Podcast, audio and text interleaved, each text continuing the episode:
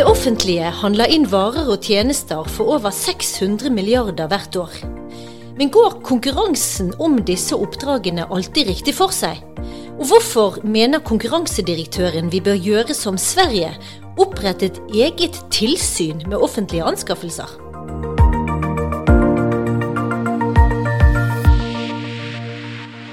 Du hører på Konkurransepodden, en podkast fra Konkurransetilsynet. I denne episoden får du også høre hva som kan gå galt i offentlige anbudsprosesser. Og i hvilke tilfeller bør du tipse oss i Konkurransetilsynet?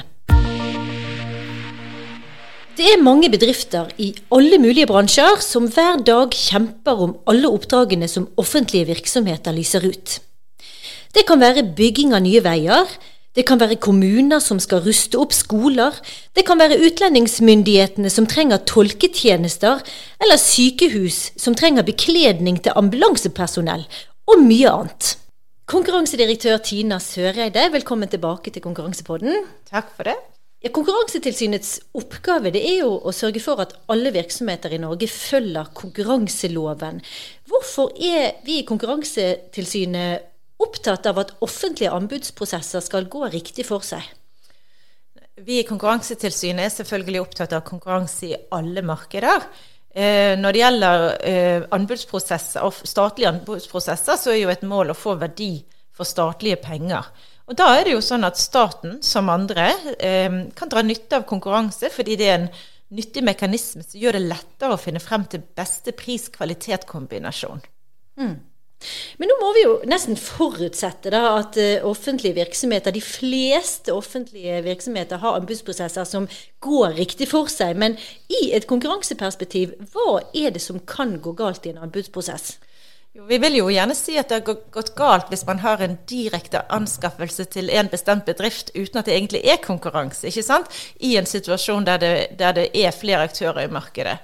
Um, men vi er jo særlig uh, bekymret for koordinert atferd.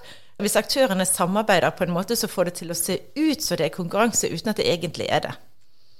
Men hvorfor er det så viktig at det er rettferdig konkurranse da, om offentlige oppdrag? Um, det med rettferdig konkurranse fra et bedriftsperspektiv, det gjør at det er vits å komme med det beste tilbudet. Hvis konkurransen er urettferdig, så kan man tenke at det er et signal om uansett hvor god man er, så får man ikke kontrakten med de offentlige.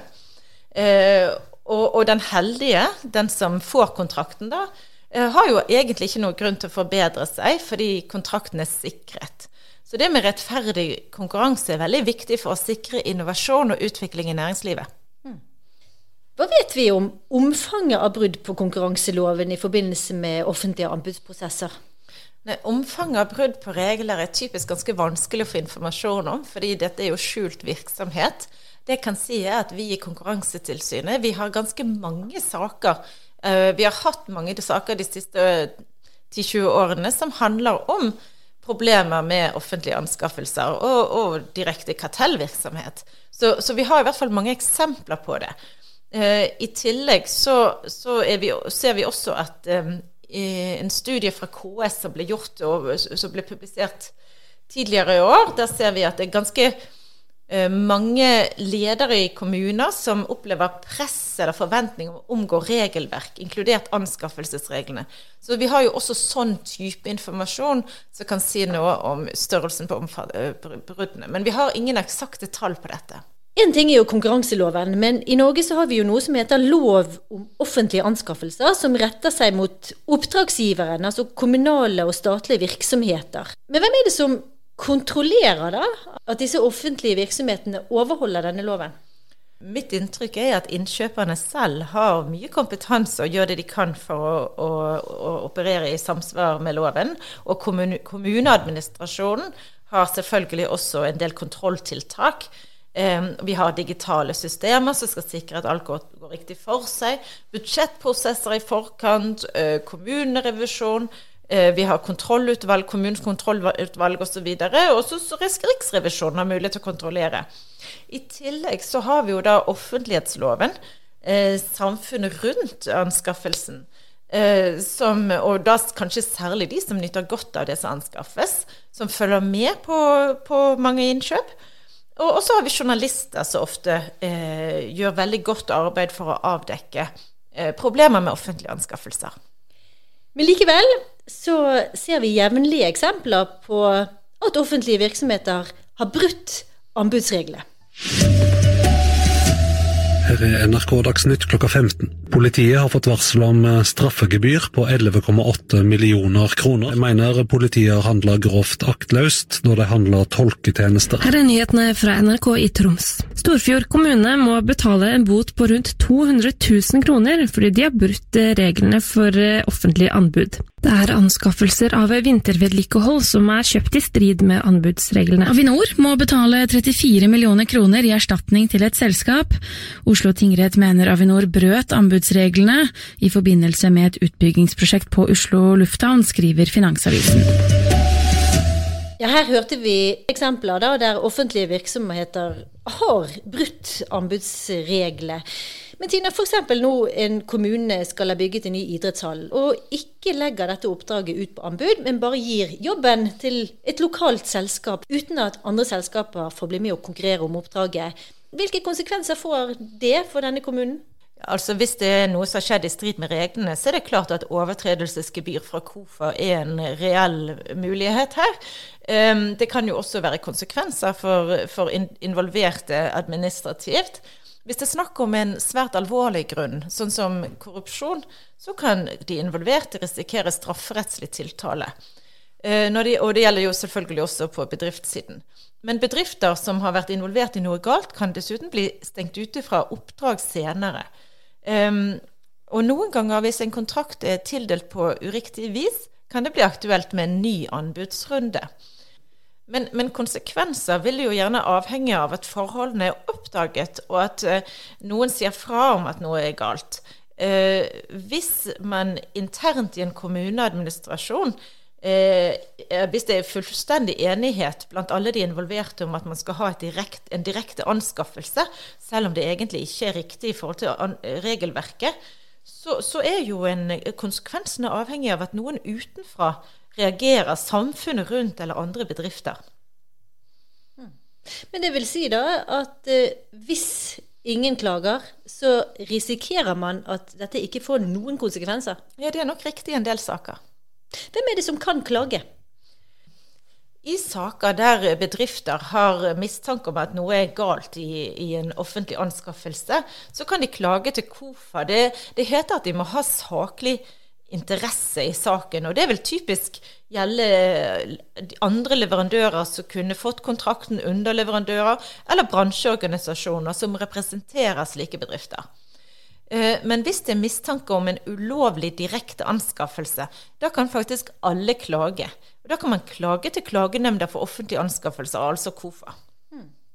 Men én ting er jo KOFA, sant, eh, som tar eh, disse klagesakene. Men hvem er det ellers da som følger med på at offentlige anbudsprosesser går ordentlig for seg? Ligger alt på KOFA? Eh, nei, men vi har som sagt eh, journalister, vanlige folk, eh, annet næringsliv osv. som følger mye med. Og så er det jo også i Konkurransetilsynet da, som følger veldig med på tips fra ulike aktører. Vi får inn ganske mange tips om problemer med offentlige anskaffelser. Hmm. Men du Tina, du er jo ikke bare konkurransedirektør, men du er også professor eh, ved Norges handelshøyskole. Og der har du eh, gjennom flere år forsket på korrupsjon, også i forbindelse med offentlige anbud. Og i hvilken grad mener du at det norske systemet er godt nok i dag? Eh, langt på vei så vil jeg jo absolutt si at vi har et godt system med et godt lovverk som er harmonisert med, med regler i andre land rundt oss. Og, og, jeg vil jo si at vi har ansvarlige og kompetente innkjøpere. Eh, men jeg er ikke helt trygg nok på at kontrollen er god nok til å fange opp de situasjonene der vi har et slags integritetsproblem. Og det er to grunner til det. Altså Hvis konkurrenter samarbeider, så vil jo alle de involverte holde det ulovlige skjult. Ingen av konkurrentene vil klage. Og det andre situasjonen det er jo at hvis noen fra myndighetssiden lar seg påvirke, f.eks. av personlige fordeler, så, så, vil de involverte som tjener på det, kunne klare å få alt til å se rett og riktig ut. Så jeg ville jo kanskje likt å se at det var mer kontroll, uavhengig av tips og klage, og gjerne tilfeldig kontroll av offentlige anskaffelser. Men hvordan bør denne kontrollen da organiseres, tenker du? Eh, når jeg ser på andre land rundt oss, så er det litt ulike ordninger. Men det er mange land som har enda mer kontroll enn det vi har i Norge i dag. Fins det gode eksempler? Eh, ja, I Sverige så har man en eget tilsyn med sånn type, sånn type kontroll som faktisk er organisert under Konkurransetilsynet. Tenker du at slik de gjør det i Sverige, også kan være en god idé for Norge? Altså et eget tilsyn for offentlige anskaffelser? Ja, altså, jeg tror det hadde vært veldig bra om vi hadde enda mer tilfeldig kontroll, og gjerne i form av et eh, tilsyn. Eh, akkurat måten det skal være på, det, det, har jeg ikke tatt stilling til. Det jeg kan si er at Vi i Konkurransetilsynet vi har blikket med oss. Vi vurderer markedene. Vi er veldig obs på problemer i offentlige anskaffelser. Vi har veldig god dialog med de statlige instans, instansene som er ansvarlige.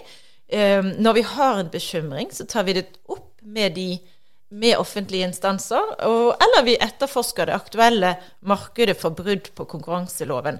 Sånn at det, så vi er allerede involvert på et vis. Så spørsmålet er om vi også kanskje skulle hatt enda mer eh, en, en, en, en, eller annen form for kontroll utover alt det, det som vi allerede har. Er det naturlig å tenke seg at et slikt tilsyn eh, kunne ligge under Konkurransetilsynet? Her og nå så er ikke det en aktuell problemstilling. Eh, men når det gjelder vår rolle i forhold til offentlige anskaffelser, så er det noe vi tar på stort alvor.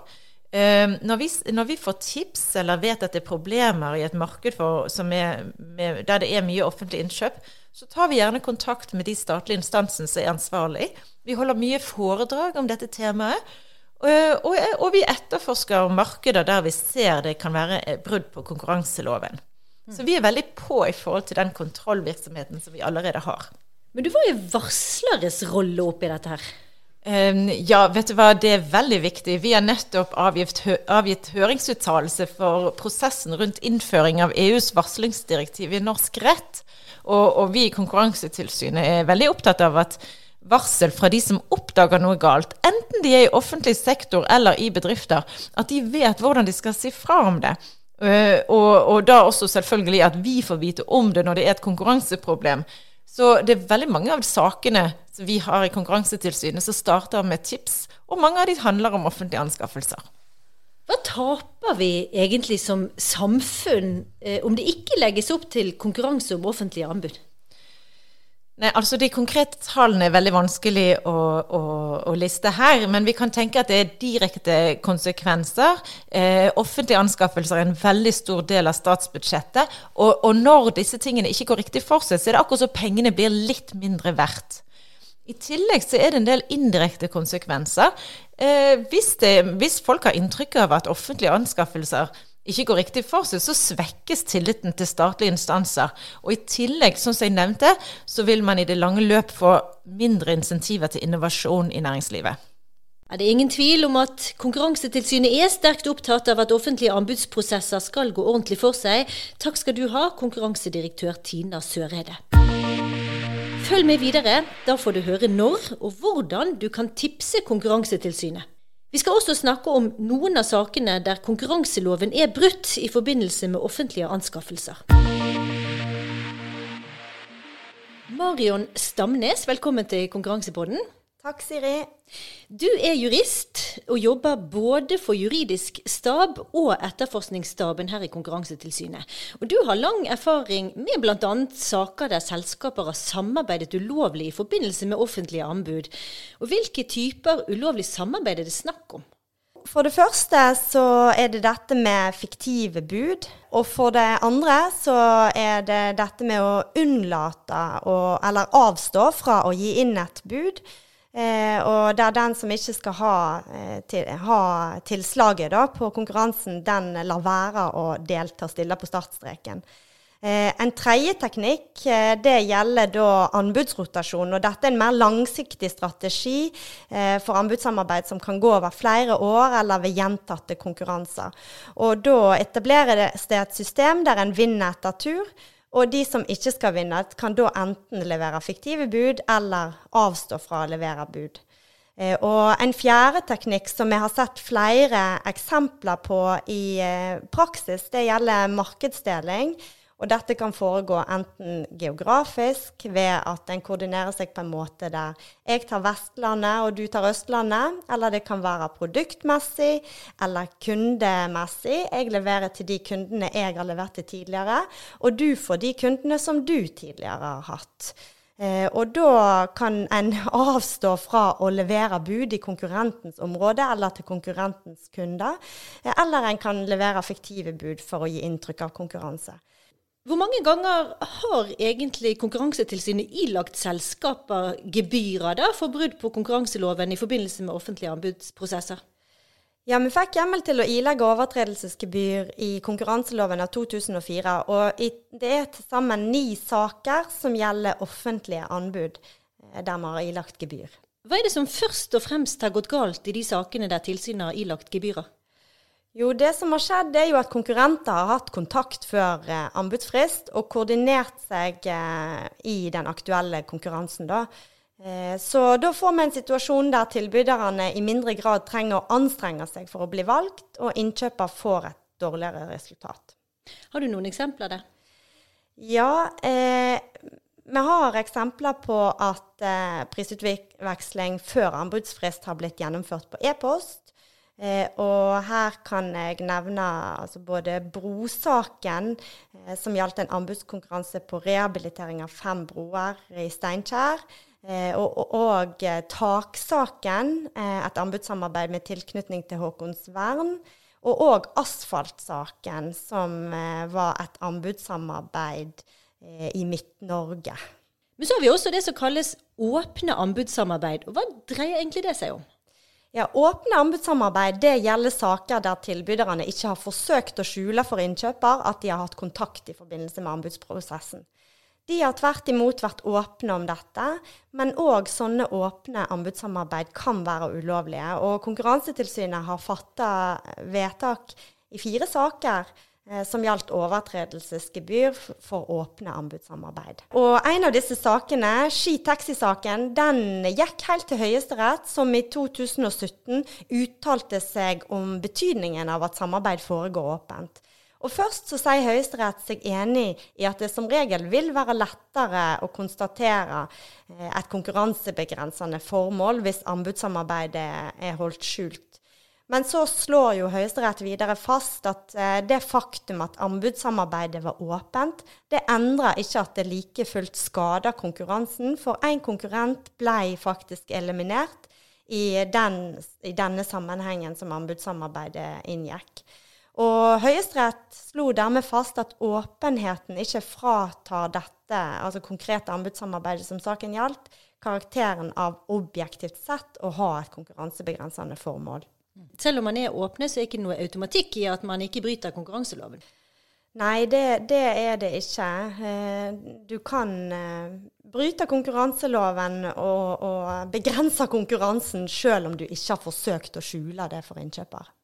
Men så er det jo også noen ganger mulig for konkurrenter uh, å faktisk levere bud sammen. Og hva er det som skal til for at det skal være lov? Ja, det har du helt rett i. Regelverket inneholder en åpning for det.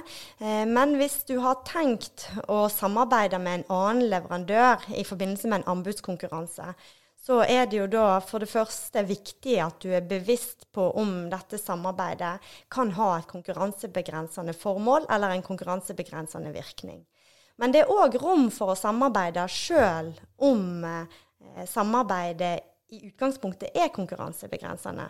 Og det rommet er der hvis du kan påvise effektivitetsgevinster som tilfredsstiller konkrete vilkår i konkurranseloven paragraf 10 tredje ledd. Og det blir jo en helt konkret vurdering som vi ikke skal gå inn på.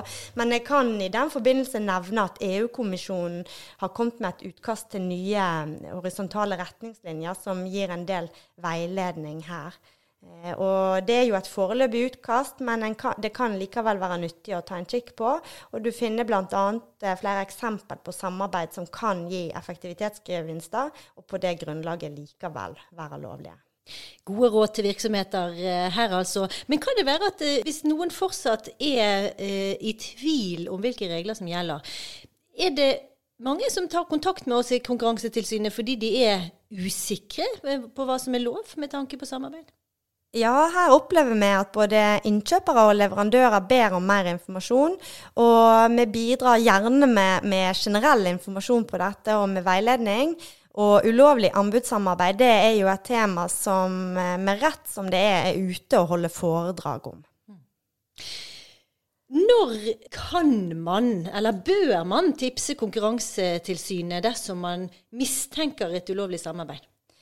Ja, Hvis du i forbindelse med en anbudsprosess ser noe som gjør at du lurer på om konkurrenten har hatt kontakt før de leverte anbud, så ønsker vi gjerne å, å høre om dette. Eh, og vi ønsker i så tilfelle at du har en lav terskel for å ta kontakt, og at du ikke bruker tid på å undersøke nærmere før du kontakter oss. Eh, du har òg mulighet til å kontakte oss anonymt hvis du helst ønsker det. Eh, og innkjøpere og andre som jobber med anbud, de spiller en viktig rolle for å bekjempe konkurranselovbrudd. Og mange av de sakene der vi har fatta vedtak, de har faktisk starta med at eh, vi ble kontakta av våkne innkjøpere. Så det er kontakt fra innkjøpersiden. Men, men også bedriftene. Hvis du arbeider i en bedrift eh, der du blir oppmerksom på at det kan ha foregått ulovlig samarbeid, så kan du òg varsle tilsynet om det. Eh, og i tillegg til muligheten til å levere inn anonyme tips, så finnes det òg en ordning med amnesti eller lempning, der eh, virksomheter kan få helt eller delvis fritak for overtredelsesgebyr hvis de sjøl melder ifra om en overtredelse til Konkurransetilsynet. Så dette har vi òg flere eksempler på fra vår praksis. Mm. Det finnes en vei ut av uføre, som vi sier. Men for de som nå tenker at de vil eller bør ta kontakt med Konkurransetilsynet, hvordan når de oss? Ja, da kan du gå inn på Konkurransetilsynet sine nettsider. Eh, og på første side der så vil du se eh, et felt der det står 'Tips oss' med rød skrift nede til høyre. Så hvis du klikker deg inn eh, videre der, så kommer du inn på mulighet for å tipse om ulovlig samarbeid. Og du kan òg der få informasjon om hvordan du kan søke om amnesti gjennom amnestiordningen eller lempning, hvis det er det som er det aktuelle tilfellet. Eh, og hvis du går videre med tipsmuligheten, da, så får du eh, da anledning til å fylle ut et eh, anonymt tipsskjema, men du kan òg ringe oss direkte hvis du foretrekker det. Marion Stamnes, tusen takk for at du var med i Konkurransepodden. Det var det vi hadde i denne episoden av Konkurransepodden. Takk til deg som hører på. Jeg heter Siri Løken og er kommunikasjonsrådgiver i Konkurransetilsynet. På nettsidene våre finner du flere nyheter. Følg oss også på LinkedIn, Facebook og Twitter.